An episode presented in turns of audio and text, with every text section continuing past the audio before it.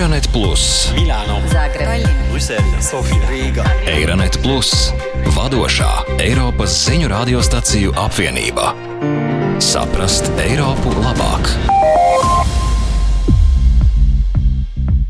Labdien! Mēs tiekamies kārtējā Euronet Plus Deal jeb zaļā kursa podkāsta epizodē. Šajā podkāstā kopā ar kolēģiem no Eiropas aplūkojam to, kā mēs, Eiropieši, varam ietekmēt tā dēvēto zaļo pāreju, ko Eiropas Savienība ir uzsākusi. Alternatīvās enerģijas, jo īpaši alternatīvo elektroenerģijas ražošanas avotu attīstība pēdējās desmitgadēs ir pieaugusi, īpaši pēc naftas krīzēm, kas Eiropas Savienību skāra 70. un 80. gados. Šis impulss ir tikai pātrinājies līdz ar klimata krīzi un Eiropas Savienības zaļo kursu, nemaz nerunājot par jaunākajiem ģeopolitiskajiem notikumiem, uz kuriem kolēģiem no raidorganizācijas AMS norāda Vācijas vicekanclers un zaļās partijas biedrs Roberts Hābeks.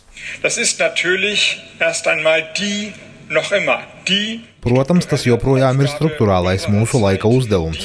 Uzdevums, ar kuru mēs tiekam mērīti kā politiskā paudze, proti globālās sasilšanas ierobežošana, CO2 emisiju samazināšana, stagnācijas novēršana šajā jomā. Otrakārt ir Krievijas agresijas karš pret Ukrainu un steidzama nepieciešamība samazināt naudas plūsmu Putinam un pat, ja iespējams, to apturēt.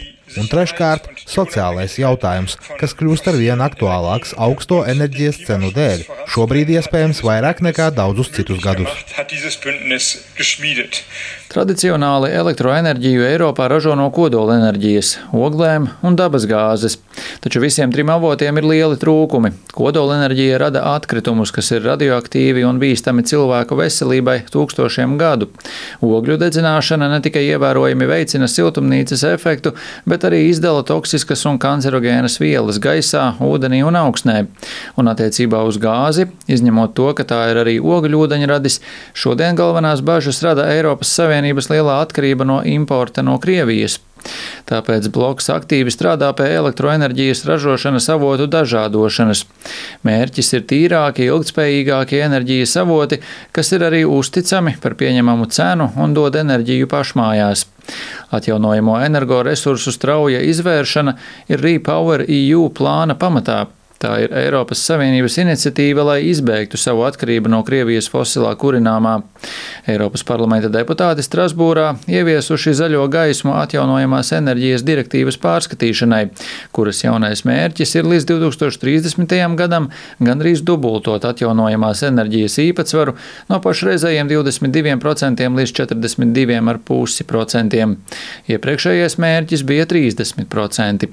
Saskaņā ar Portugāles atjaunojamo energoresursu asociācijas prezidenta Pedro Amarala Jorges teikto, tā ir lielāka vienošanās nekā šķiet. To viņš apgalvoja kolēģiem no Radio Renaissance. O mercado elétrico que nós temos é o mesmo que os espanhóis têm. Tagad tie var izskatīties tikai kā 12,5%, bet tie nav tikai 12,5%. Tas ir ļoti, ļoti drosmīgs solis un ambiciozs solis, ko Eiropa var sasniegt.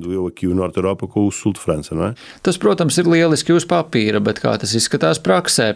Žurnālisti no Eiropas to vaicāja ekspertiem un citām ar šo tematu saistītām personām. Sāksim ar labām ziņām. 2022. gadā saules un vēja enerģija nodrošināja vairāk elektroenerģijas nekā jebkurš cits enerģijas avots Eiropas Savienībā. Tas ir tāpēc, ka tie ir salīdzinoši lēti un viegli īstenojami. Bulgārijas Saules asociācijas valdes loceklis Rumens Petrovs intervijā Bulgārijas Nacionālajiem radio min vairākas saules enerģijas priekšrocības. Situācija ir nesnāga. Investīcijas nav tik lielas un pati uzstādīšana ir vienkārša. Es teiktu, ka ņemot vērā pieejamo iekārtu cenu un ņemot vērā elektroenerģijas cenas, saules paneļu ieguldījumu atdeve ir neilgāka kā seši gadi. Turklāt ir augsta apjoma prognozējamība, jo ar saprātīgu precizitāti var pateikt, kuros datumos un cik stundas diennaktī būs saule. Dienas gaišajā laikā varam sekt lielu daļu gan iedzīvotāju, gan uzņēmumu vajadzību. Taču saskaņā ar Eiropas Savienības datiem Eiropas piegādātāji šobrīd lielāko daļu uzstādīto saules enerģijas produktu importē. Piemēram, 2020. gadā tika uzstādīti fotoelektriskie paneļi aptuveni 8 miljārdu eiro vērtībā, no kuriem 3 ceturdaļas bija no Ķīnas. Tikai neliela daļa no pasaules ražošanas faktiski notiek Eiropas Savienībā. Mūsu atkarības pārvirzīšana no ražojumiem ārpus Eiropas, paplašinot Eiropas Savienības ražošanas iespējas, ir kļuvusi par Briseles priekšroku prioritāti. Brisele šādi cer stiprināt nozares noturību, vienlaikus radot arī darba vietas un pievienoto vērtību. Un Kosmins Čarsto, kuram pieder Rumānijas pirmās saules paneļu rūpnīcas akcijas, stāsta kolēģiem no Radio Romānija, ka lietas šajā ziņā noteikti uzlabojas. România și de altfel în Europa se face import ekskluzīvi. Rumānijā un Eiropā saules paneļus tikai importēja, nebija vietējās fotoelektrisko paneļu ražošanas. Mēs pamanījām šo nišu un esam mēģinājuši to aizpildīt. Runa ir par aptuveni 450 tūkstošiem eiro lielu ieguldījumu. Ieguldījumu, kas veiks no uzņēmuma akcionāru kabatām, bez citām banku iemaksām vai finansējuma no ārējiem avotiem. Nauda pilnībā nāk arī no valsts iekšienes. Mūsu maksimālā ražošanas jauda ir 30 megawati gadā, kas ir aptuveni no 1000 līdz 1200 paneļiem mēnesī. Pieprasījums ir ļoti liels. Mums ir līgumi ar Vāciju, mums ir interese no apvienotās karalistes, un mums ir diezgan progresīvas diskusijas arī ar Itāliju. Saules paneļiem ir ierobežots kalpošanas laiks, parasti aptuveni 30 gadi, un to sastāvdaļas ir diezgan piesārņojošas. Tomēr saskaņā ar Francijas elektroenerģijas piegādātāja NG datiem 94% šo komponentu pašlaik tiek atgūti, bet atlikušie 6% dažkārt tiek izmantoti kā smilšu aizstājēji būvniecības nozarē. Itālijā elektrisko atkritumu attīrīšanas iekārtas vadītājs Mišels Benvenutī bija viens no pirmajiem Itālijā, kas pievērsa uzmanību šāda veida atkritumu savākšanai. Lūk, ko viņš sacīja kolēģiem no Radio 24. Mēs prognozējām, ka pēc dažiem gadiem pieaugs nepieciešamība pēc atbrīvošanās no saules paneļiem, tāpēc es teicu, izmēģināsim šo. Mēs bijām vieni no pašiem pirmajiem un esam joprojām. Mēs sākām svarīgu sadarbību ar itāļu piegādātāju, kurš bija izstrādājis prototipu šo paneļu pārstrādē, un mēs to uztvērām kā nelielu izaicinājumu. Mēs sapratām, ka jau pēc gada tas, ko bijām gaidījuši tikai pēc trim vai četriem gadiem, jau piesaistīja interesi. Tagad mēs strādājam diezgan intensīvi. Benvenutī arī stāsta, kā saules paneļi tiek pārstrādāti. Šo pārstrādi var veikt dažādos veidos, izmantojot dažādas tehnoloģijas paneļa galīgai apstrādei. Dažas tehnoloģijas ietver ķīmisku apstrādi, citas - termisku apstrādi. Mūsu gadījumā mēs izvēlējāmies daudz vienkāršāku, bet tomēr efektīvu pieeju - pilnīgi mehānisku apstrādi. Tādā veidā mums izdodas atgūt aptuveni 97 līdz 98% no paneļa svara, kas nozīmē, ka gandrīz viss tiek pārstrādāts.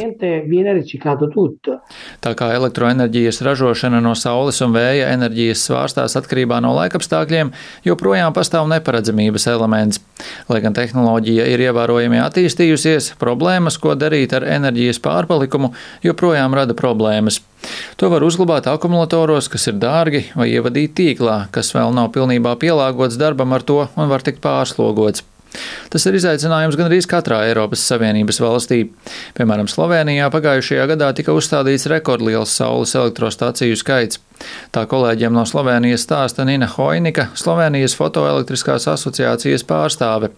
Tomēr tajā pašā laikā, tā kā tīkls un atbalsta infrastruktūra vēl nav pietiekami stabila, aptuveni piektā daļa pieteikumu par uzstādīšanu tika noraidīti. Trenutno, kot vemo, omrežje še neomogoča namestitve sunča. Šobrīd, kā zināms, tīkls neļauj uzstādīt saules elektrostaciju uz katra jumta, jo tā nav būvēta šim nolūkam un nav atbilstoši modernizēta. Šī iemesla dēļ vidēja termiņa risinājums šobrīd atrodas, piemēram, enerģijas uzkrāšanas ierīcēs.